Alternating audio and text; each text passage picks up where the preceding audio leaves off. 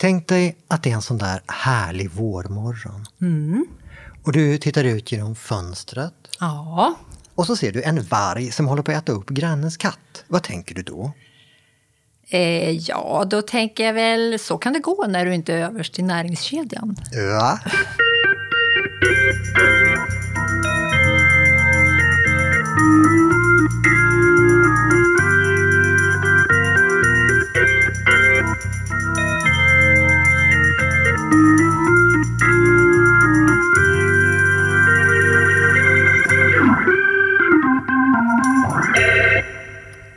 Välkomna till Göteborgs stadsmuseums podd En kvart om Göteborg med mig Ylva. Och Håkan, Och idag är alltså temat temat är djur. djur i stan. Och varför skulle jag se en varg som håller på att äta upp grannens katt? Det var en tanke. Det var en film i vintras med en varg som tog ett rådjur i en villaträdgård och då blev det ju en del diskussioner. Det kan man ju faktiskt tänka sig. Ja, å ena sidan de som menade att vargen är där bytet är, är det rådjur i trädgården så är det varg i trädgården och att det är inte så ovanligt bara att vargen mest rör sig på nätterna. Å andra sidan, Så gissar jag att det var många som tyckte det var rätt läskigt. ja, en varg är en varg. Och framförallt, diskussionen kommer att handla mycket om var det naturligt? Uppträdde vargen naturligt eller var den onaturligt oskygg? Ja, men var den det? Ja, men det märkliga, som jag tycker är märkligt var att ingen diskuterade om rådjuret var onaturligt oskyggt. Jag menar, det är två rätt stora däggdjur som möts i en villaträdgård och det ena reflekterar vi inte ens över. Trots att rådjuret har ju en väldigt naturlig anledning att vara rädd för oss. Jag menar, vi skjuter typ 100 000 om året. Men det är den andra som orsakar panik och polisen rycker ut och skjuter. Nej, men sköt de alltså den? Ja, de sköt båda två faktiskt. Rådjuret levde fortfarande och de sköt vargen. Okej. Men kan det här vara så enkelt som att vargar är rovdjur som vi inte har hunnit vänja oss vid och rå- rådjuren, de är vi vana vid att ha i trädgården? Ja, jo. Alltså, själv har jag sett hur tre sådana här rådjursgringos, skulle jag säga, som brukar strosa runt i våra sopgångar i vårt kvarter för att beta såna här tulpanknoppar och annat godis. Ja. Eh, och de, när de upptäckte mig så kollade de så här riktigt länge och likgiltigt som de var som ett gäng tonårskids. Ja, det här är riktigt kränkande. Jag ska faktiskt säga att jag har blivit bitchblickad utav tre rådjur. Åh, vilken diss. Själv är jag bara en av de där göteborgarna som man kommer cyklande på morgonen nerför cykelvägen och så åh, är du fem meter från att krocka med ett rådjur. Åh, hoppsan. Mm. Eh, men jag tänker, är det här annars ett nytt fenomen, det här med vilda djur in på knutarna? Varg, men även rådjur, harar, igelkottar, vildsvin. Du tänker in i stan? Ja, alltså det måste det ju vara. Men då får vi tänka att om vi backar 200 år så var Göteborg någonting annat. Det var ju en kompakt stad med liksom massor av folk och murar och grejer. Det fanns inte riktigt plats för igelkottar och vildsvin där. Men nu, Göteborg idag, det är liksom något jättestort, poröst, fullt med skogar och parker och ängar. De säger ju ibland att naturen flyttar in till stan, men Men snarare stan som flyttar ut i naturen. Ja, alltså. men lite så. Och om vi tittar tillbaka 100 år, det var ju nästan alla, alla stora djur var i stort sett utrotade. Från bäver till älg. De ju skjutit av rubbet. Så vilda djur, de var sällsynta helt Ja, men enkelt. de var, de, var, de har blivit galet många fler sedan dess. Och så är vi ju ganska mycket fredligare. Jag menar förr, så att säga. Kom det in ett djur i närheten av människor så går du att äta. Pang! Kan du skada någonting? Pang! Är du ful? Nej! Ja, men en orm, en snok som kommer. Ja, ja, okej. Bank! Ja, ja. Och, och, menar, nu är det ganska riskfritt om du är ett rådjur. Du kan gå in och beta tulpanknoppar i en villaträdgård. Det, det händer ingenting. För att riskera något idag så måste du faktiskt vara en, En varg. en varg. Ja, och du har oturen att tillhöra de här fredslösa. Jag tänker på några av våra ständiga följeslagare. Du tänker till exempel, Jag tänker till exempel på lilla råttan. åh den stackaren. Mm. Jag tycker att det måste vara en av de mest mytologiserade av alla stadens djur. Har du någon bra råtthistoria, Håkan? Mm, vad är det? Ja, jag satt i, ja, ganska nyss i Slottsskogen så satt jag såg en sån här matbinge för fåglarna och så kom en råtta och satte sig i den och mumsade och då kommer en svan glidande för att äta. Och, och så blir det liksom ett ställningskrig mellan de där om vems är maten. Snacka om olika viktklasser alltså. Ja, men vem vinner? Ja, svanen fräser lite föraktfullt och simmar vidare så råttan stood its ground. Har du någon egen historia? Ja, absolut. Alltså, I våra kvarter så kryllar det utav råttor. Och ibland är de ju stora som katter faktiskt. Åh, ja. Och de gillar ju kompost och så gillar de det här med mat som folk lägger ut till fåglarna. Eh, en djur kommer ihåg att jag hängde upp en sån här havrekärve i ett träd. Det var liksom tre och en halv meter upp i ett plommoträd. Ingen match för råttan som bara sprang liksom i skytteltrafik för att dra ner den där havren. Eh, och där, ja, det här var vinterhalvår, men på, som, eller på hösten får jag säga då, när äpplena fallit så har jag sett hur herr och fru råtta liksom sävligt spankulerat runt under äppelträdet som någon sorts minikor och mumsar fallfrukt. Och så skulle jag försöka schasa bort dem och öppna dörren och sådär. Det var ingen nervositet alls, utan det var liksom mer som ett så här skånskt ja, vad var det om? Så då tog du motorsågen och Nej, jag rusade ut. Och då är det lite så här, okej, okay, jag går väl in här under trädäcket. Eh, men när jag kollar igen och har gått in liksom så ser jag, ja men då de fortsätter de ju bara med sitt äppelkalas. Ja, du. Eh, Men vet du vilket som måste vara den vanligaste frågan man ställer apropå råttor? Att de kommer ta över efter oss. Nej, det är kackerlackorna. Nej, nej, nej, den vanligaste frågan måste vara hur många är de? Ja, men vad är det de säger? Lika många råttor som människor? Och då åberopar jag en professor i New York. Okej, och vad sa han? Hur vet du att det är en han? Ja, jag vet inte, det bara kom för mig. Det är en han. Och, och på 1940-talet så ville han undersöka mängden råttor så han, han gjorde en sån här noggrann inventering av antal råttor i några New York-kvarter. Och hur då, undrar man ju. Jag vet inte, han annonserar om 50 rea eller något, jag vet inte. Men i alla fall, han kom fram till att de är inte så många som vi tror. Utan att det finns typ 35 gånger så många människor som råttor i en stad. Okej. Alltså nu blir det lite matte här då. 35 gånger fler människor och så Ja. har vi alltså en beräkning. 5500, nej eller 550 000 människor, alltså göteborgare, Ja. genom 35, I typ 15 000. 15 000. Ja. Eh, det är ju, är ju... Det är en del. Men, Ja. men å andra sidan, ja, hur många hundar finns det? Alltså, i hela regionen då finns det 52 000 cirka. Hur, vet du det? Ja, men jag har ju googlat upp det här. Hundar, okej. Ja, men det är faktiskt bara 4 423 stycken i Göteborg.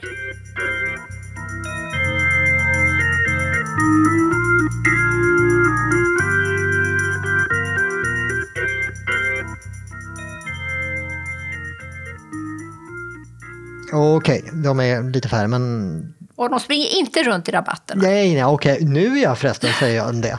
Jaha, Ja, men vi har en sån här gammal film som Stadsmuseet har visat några gånger från 1900-talets början. Det är någon som har ställt sig längst fram i en sån här spårvagn och bara filmat allt som dyker upp. Och det är ju kläder och det är grejer och så, men det är också hundar. som är rabatterna. Alltså framförallt är de lösa, de bara springer omkring. Okej. Alltså det finns till och med en scen där en hund, en tik, ligger och ger di åt sina valpar mitt på gatan. Så man kan säga att det här är liksom någon scen som är lite mer som det är i resten av världen Ja, idag. men lite va? Mm. Jag var ju i Goa i Indien för flera år sedan och då såg jag den här flockar av sådana här gatuhundar som om dagarna så var det världens ögontjänande mjukisar som stod och gullade upp sig där vid kaféborden. Men om nätterna då kom vi höra deras slagsmål, alltså riktiga bästar kan jag säga. Tydliga revir hade de på stranden också. Eh, och under julen där så var det rika indier som var där med sina fina rashundar, alltså stora labradorer och afghaner och sånt. Och de var ju mycket större än gatuhundar, men de vågade inte ens beträda stranden, utan de gick ute i vattnet. Liksom. Ledsagade av de här fräscha, vitskjorteklädda hussarna som skulle upprätthålla sin status. Ja, men det behöver inte gå så långt. Jag tänker Grekland. Någon kompis var där på någon grekisk ö och på morgonen gick ut och joggade och då kom genast liksom ett halvt dussin sällskapssugna hundar och skulle formationsflyga sådär. De var ju ute på egen hand men det var inga vildhundar utan de hade ju en ägare någonstans. Men de sköt sig själva alltså. Ja. Och så var det ju också i Göteborg då. Men alltså, när börjar vi koppla våra hundar? Vet inte, men det måste ju ha varit när de blev värdefulla antar jag. Jag menar, då var ju hunden lite mer som en, ja, men som en katt. Den drev fritt, den parade sig som den ville. Kom det för många valpar så... Ja, så dränkte man dem i ån. Japp. Eller kanske i kanalen här ute. Ja, men byrackar helt enkelt såg man och så. Men idag så är det ju, betalar vi dyra pengar för en valp. Eh, alltså jag gissar ju lite här, det är lite killgissning även om inte är en kille, att det hänger ihop med Svenska Kennelklubbens arbete. För de, det här är ju en sammanslutning som startade någon gång i slutet av 1800-talet. och Då var det en grupp adelsmän och jägare som försökte avla fram bra jakthundar. Och på den tiden var ju hunden mycket en arbetskamrat. Eh, och numera har vi ju med sällskapshundar och då handlar väl aven mer om estetik för att värna rasen. Du vet, mm. få till lite rätt snörvel där från mopsen och rätt färg på pudelpälsen och rätt bärnstensglans i ögonen på de flesta hundar. Åh, lyxhundar alltihop är det ju. Mm.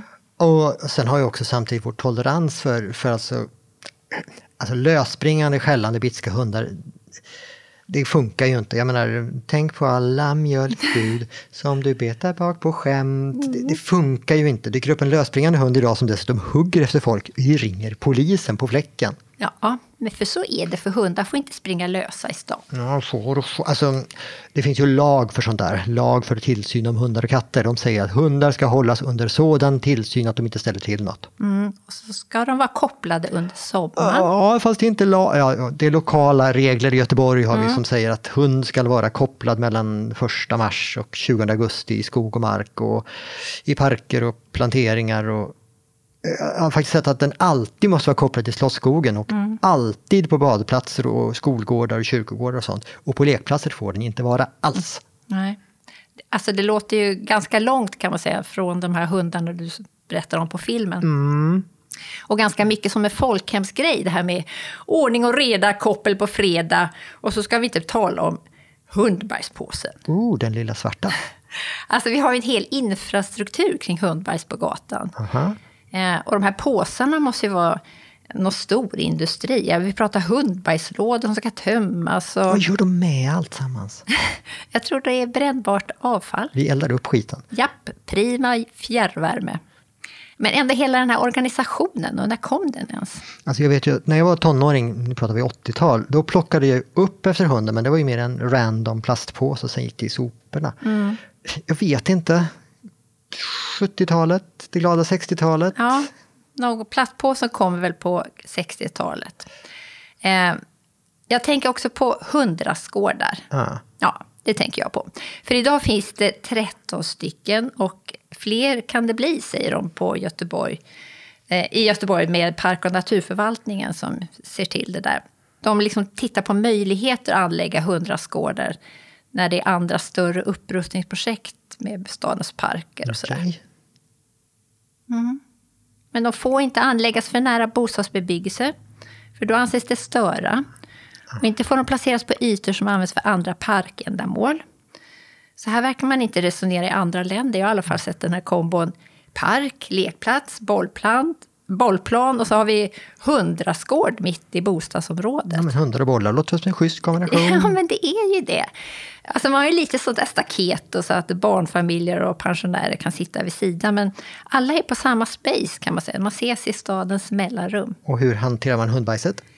Ja, men läggs väl i soptunnor. Eh, alltså jag vet inte om det är böter att plocka upp i andra, eh, att inte plocka upp i andra länder. Men i Sundsvall, som inte är så långt faktiskt härifrån, där kan man få böta tusen kronor. Men det är också för att har man otur kan man ju faktiskt bli sjuk av hundbajs. Så det, jag antar att det är därför det är lag på att plocka upp. Men då tänker jag en sak. Om plastpåsar. Du vet att Kenya har förbjudit plastpåsar. Jaha. Och Nya Zeeland, Marocko, Rwanda följer på. Mm -hmm. Så du tänker att det kommer att påverka Ja, jag menar tänk tanken om plastpåsen förbjuds i, i landet kungariket Sverige, ja. i Göteborg. Och så tänker vi att det är tusentals hundar som bajsar en och två gånger om dagen. Vi pratar alltså om hektakomber av tarmprocessad svindyr hundmat som ligger överallt. Och inga plastpåsar. Ja, men alltså går det att använda en papperspåse? Ja, men försök att... Tänk dig en regnig dag på hösten i Göteborg. Du ska plocka upp hundbajs med en papperspåse. Ja, men alltså nu får vi tänka positivt. Det här är någonting för framtidens innovatörer att lösa. Ja, en liten utmaning i alla fall. Mm. Ja. Men nu över till en annan fråga. Vad säger du om det här senaste, att göra hundar till vegetarianer? Att vi kommer att få en förfärlig massa grisöron över. Mm. Men är inte det här ett exempel på att vi blandar ihop oss själva med våra hundar? Ja, men, jo, vad ska jag säga? Är hunden en familjemedlem utan talan så liksom den, den, får, den kommer ju alltid få haka på inredningstrender hälsotrender, resor, Mode. motion, Ja. mat. Och utan att veta så gissar jag att det är lika många hundar som är satta på otillfrågad LCHF-diet som ska göras till vegetarianer. Ja, men så är det nog. Eh, Och man kan säga idag är ju faktiskt både hunden och katten big business. 2015 så omsatte den, hela den här industrin 16 miljarder.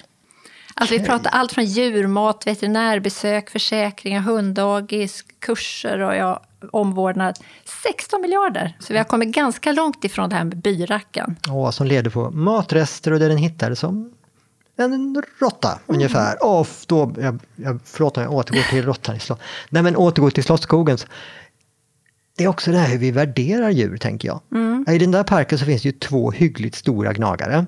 En älskar vi, en hatar vi. Är inte det lite orättvist? Alltså råttan, okej, och den andra är? Ekorren. Amen. Ja men hur många gulliga barnvisor finns det inte om ekorren som också plundrar papperskorgar, länsar fågelbord och smyger runt i närområdet. Och, Ja, men hur ofta alltså? Mm. Du kan ha rätt, men en ekorre som kommer uppsimmande ur toaletten så skulle den inte vara lika älskad. Alltså, ja, fast det är väl inte varje dag det kommer upp en råtta ur toaletten. Nej, men man kan inte riktigt veta. Men nu tillbaka till Slottsskogen, för där har vi en annan djurfråga att ta upp. Okej. Alltså jag tänker på de fängslade djuren. Det är ju en slags dragkamp där. Å ena sidan, sälar ska inte bo i en betongtank. Det tror jag alla är överens om. Och inga pingviner heller. De ska ha hav, de ska fånga fisk och leka bland isflak. Och dragkampens andra sida? är att det är så trevligt med djur. Alltså, sälarna matas klockan tre, så är det bara. Och du vill kunna visa barnen såna här riktiga levande luktande djur.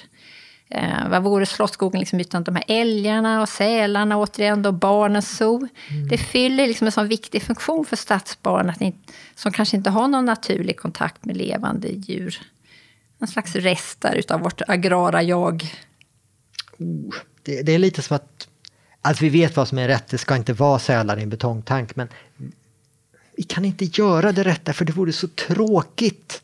Har vi hört den förut förresten? Mm, ja, har vi nog gjort. Jag tänker solsemester med flyg Ja, kanske. en trikå på lördag. Ja, och dessutom, om vi pratar om det här, det är lite konstigt med en djurpark i en naturpark. Jag menar, det, det är en märklig känsla att stå och titta på älgarna i häng och så hör du ljud bakom dig och så vänder de och där står ett vilt rådjur och skruvar hornen. Det, det, är liksom som, det finns ingen gräns mellan natur och djurpark där, det är flytande. Vem i fågeldammen är ett tamdjur och vem är ett vilt djur på mellanlandning? Ja, man kan säga att de är alla vackra att se på avstånd, men det är lite knepigt när man står där och ska läsa på skylt och försöka lista ut vem som är vem. Men en helt annan fråga då. Har det funnits någon björn i den där björngårdsvillan? Alltså inte kanske i själva villan, men, men det, fanns, det fanns en björngrop där i början av 1900-talet där liksom satt en, en björn som man kunde titta på och kasta småsten på. Och nej. Men det skulle kännas, inte, det skulle kännas jättetråkigt idag faktiskt. Ja, men lite. Fast å andra sidan, för några år sedan så var det ju faktiskt en som ringde in och rapporterade att det lufsade en björn längs Söderleden mellan Sisjömotet och Fässbergsmotet.